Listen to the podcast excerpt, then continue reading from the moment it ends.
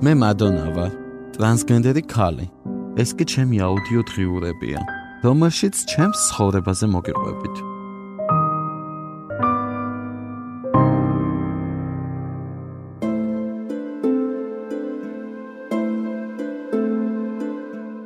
ტრანსგენდერები და საზოგადოება.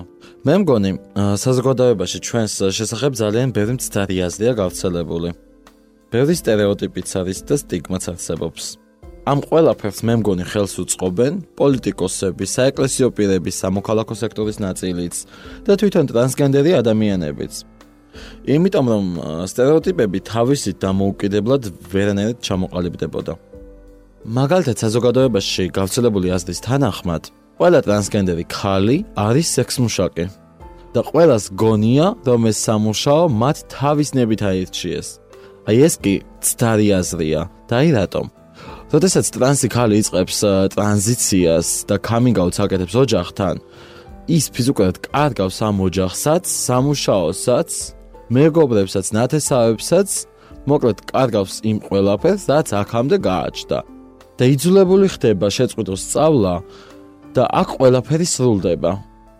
ტრანსგენდერ ქალებს განვითარების შესაძლებლობას არც სახელმწიფოს თავაზობს და არც საზოგადოება ამის მომხრე. და რა რჩებათ მათ.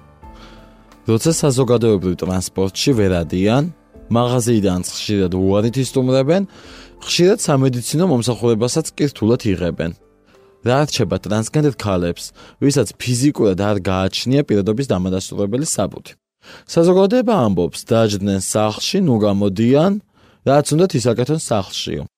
ტრანსგენდერი ქალების უმეტესობა მართლაც ზის სახლში.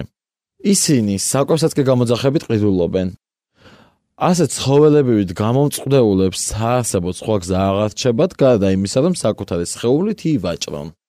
ეს ქალები პანდემიის დროს იძულებულები გახდნენ სახლში დარჩენილიყვნენ.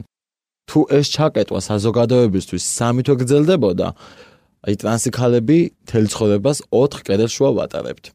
იქ კი შეუძლებელია წინსვლა და განვითარება. მე თუ მკითხავთ, დღევანდელი ტრანსგენდერი ქალი ჩვენი საზოგადოების ანარეკლია. დააკვირდით, როგორ იქცევა და მიხვდებით, როგორ მოიქცა მას საზოგადოება ერთდროს.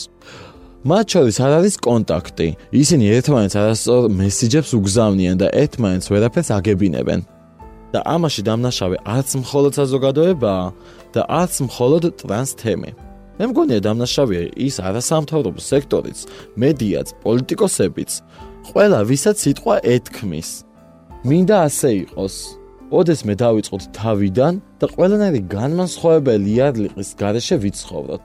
მე მგონია საქართველოს და მის საზოგადოებას ბევრად მეტი რესურსი აქვს იმისა რომ ნებისმიერ ევროპულ სახელმწიფოზე უფრო ჰუმანური, ტოლერანტული და მრავალფეროვანიც იყოს, როგორც ეს ადრე იყო. ამის მჯერა.